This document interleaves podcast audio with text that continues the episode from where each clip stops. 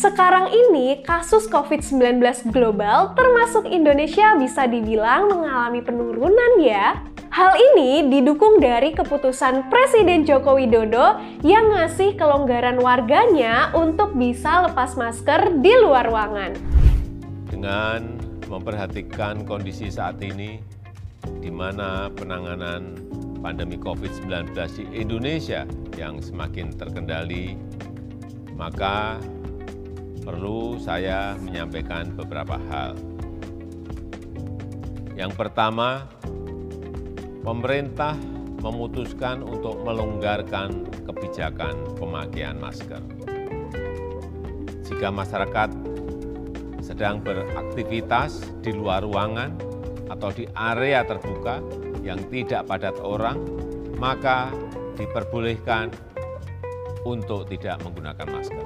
Begitupun dengan perekonomian Indonesia yang perlahan mulai bangun. Tentunya hal ini jadi salah satu kabar baik ya bagi kita M-Traders. Tapi di sisi lain, meski perekonomian Indonesia sudah mulai pulih dari pandemi, muncul lagi nih tantangan baru kita yang perlu kita waspadai. Yap, seperti headline pada berita di awal video ini, yang jelas soal stagflasi ya teman-teman. Apa itu stagflasi? Kemudian penyebab, cara menghadapi, dan gimana strategi investasi atau trading di tengah stagflasi?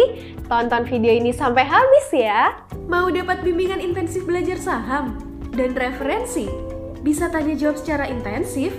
Yuk, daftar Mtrade sekarang di mtrade.id slash whatsapp atau klik di bawah sini ya.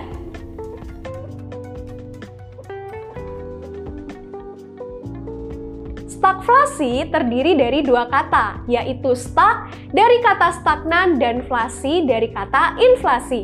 Secara sederhana, stagflasi ini adalah bagian dari inflasi tapi bisa berdampak lebih buruk. Kenapa? Karena pada stagflasi biasanya ditandai dengan kondisi ekonomi yang stagnan atau ngalamin pelemahan nih dibarengin sama inflasi atau kenaikan harga. Dan selain itu, angka pengangguran juga terus meningkat.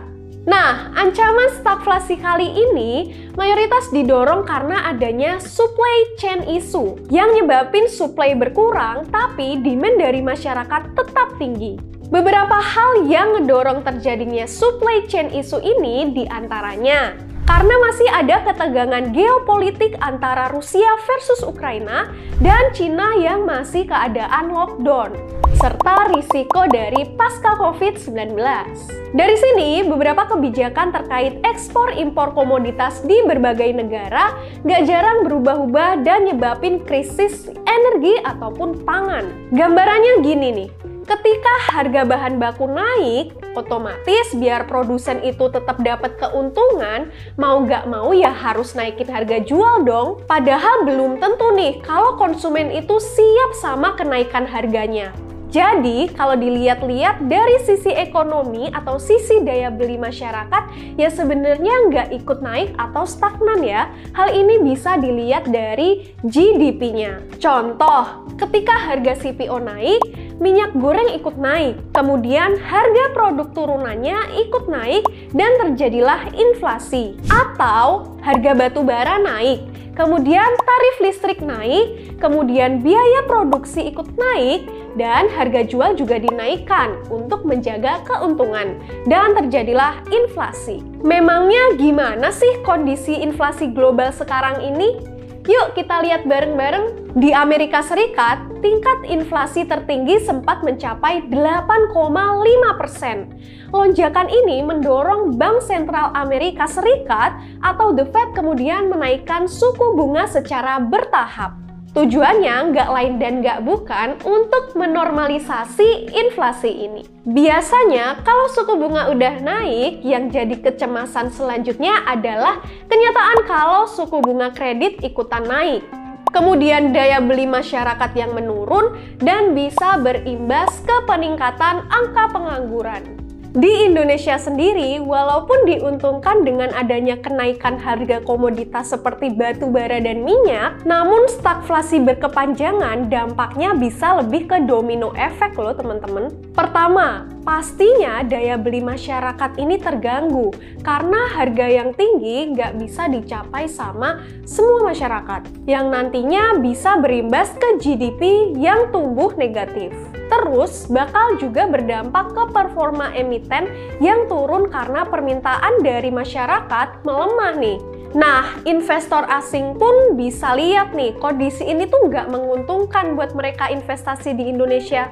Yang nantinya kalau asing keluar nilai rupiah nih bisa menurun. Dan biasanya kalau udah gini bakal ada intervensi dari pemerintah buat dorong permintaan. Misal suku bunga rendah, subsidi, bantuan langsung tunai, yang mana hal ini bisa jadi beban untuk cadangan devisa negara. Cuma sekali lagi nih, indikasi stagflasi belum kelihatan di Indonesia ya. Soalnya permintaan kita masih cukup oke. Ditandai dengan indeks keyakinan konsumen yang masih di atas 100.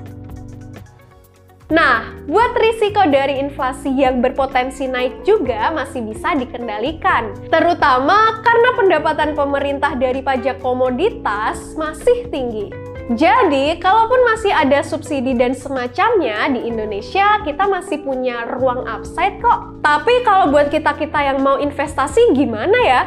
Masih ada peluang nggak sih? Sektor apa aja sih yang masih bisa diuntungkan dari ancaman stagflasi ini? Yuk kita dengerin penjelasan dari Coach Tasya. Hai M Traders, bersama aku lagi Coach Tasya. Nah, berbicara tentang resiko stagflasi yang potensial terjadi, sebenarnya di Indonesia masih ada beberapa sektor yang potensial loh untuk investasi. Yang pertama ada sektor komoditas. Mengapa itu menjadi potensial? Karena Indonesia posisinya merupakan negara penghasil komoditas. Jadi ketika kondisi sekarang itu risiko global masih tinggi ya, mulai dari ketegangan geopolitik antara Rusia Ukraina, kemudian ada lockdown di China, Hal ini menyebabkan adanya hambatan distribusi pengiriman barang. Kemudian ada juga perubahan dari kebijakan ekspor impor berbagai negara. Ini menyebabkan adanya supply atau persediaan yang terbatas. Padahal demand atau permintaan itu masih tinggi, teman-teman. Hal inilah yang menyebabkan kenaikan harga komoditas. Nah, ketika harga komoditas itu naik dan posisi kita sebagai penghasil komoditas, kita masih bisa enjoy atau menikmati penjualan dari harga komoditas yang tinggi sehingga dari emiten-emiten komoditas itu pendapatannya bisa lebih optimal begitu. Nah, contoh uh, di sektor apa saja untuk komoditas ini ada di sektor energi dan juga pangan teman-teman seperti di batu bara, lalu ada di nikel dan juga CPO dan lain sebagainya. Dan kemudian untuk sektor kedua yang potensial walaupun di kala stagflasi yaitu ada sektor perbankan. Kenapa sektor perbankan itu potensial? Pertama, karena sektor perbankan itu adalah sektor yang defensif menghadapi krisis. Karena memang selalu dibutuhkan walaupun keadaannya itu krisis dan keadaan di uh, apa saja begitu. Kemudian yang kedua, sektor perbankan ini kontribusi ke IHSG paling berpengaruh mencapai 29 persenan gitu. Dan kalau kita melihat ya, perbankan big caps terutama itu masih memiliki struktur deposit yang kuat, kemudian likuiditasnya juga bagus, dan risiko kredit masih cukup terjaga. Jadi, secara fundamental masih kuat. Jadi, jikalau ke depan ada risiko seperti kenaikan suku bunga, risiko inflasi, dan juga risiko stagflasi, kami menilai bahwa perbankan ini masih akan cukup uh, potensial growth-nya begitu teman-teman walaupun ada risiko-risiko tersebut. Nah, kemudian bagaimana cara kita untuk berinvestasi ataupun menentukan momentum yang tepat untuk trading? Yuk kita akan nanti bahas analisis teknikalnya. Untuk membeli sahamnya, kita pertama harus lakukan analisis fundamental dan juga teknikal. Kalau di analisis fundamental, kita harus ketahui saham di sektor perbankan atau di sektor komoditas ini Pertama, apakah memiliki bisnis model yang potensial? Apakah bisnis model tersebut bisa memberikan pendapatan yang stabil? Yang kedua, dari sisi profitabilitas, apakah profitabilitasnya itu bertumbuh secara positif dari tahun ke tahun dan apakah memberikan dividen yang potensial juga. Yang ketiga, kita melihat juga dari sisi likuiditas ya. Karena perusahaan yang bagus adalah perusahaan yang bisa menjaga likuiditasnya. Jadi, perusahaan tersebut bisa membayarkan hutang atau kewajibannya secara tepat waktu. Yang keempat adalah kita melihat valuasi. Valuasi ini sangat penting ya teman-teman karena kita bisa tahu apakah perusahaan itu murah atau mahal. Jadi ketika kita mau berinvestasi, kita akan menilai oh perusahaan itu murah gitu. Jadi kita masih memiliki potensial upside yang cukup tinggi.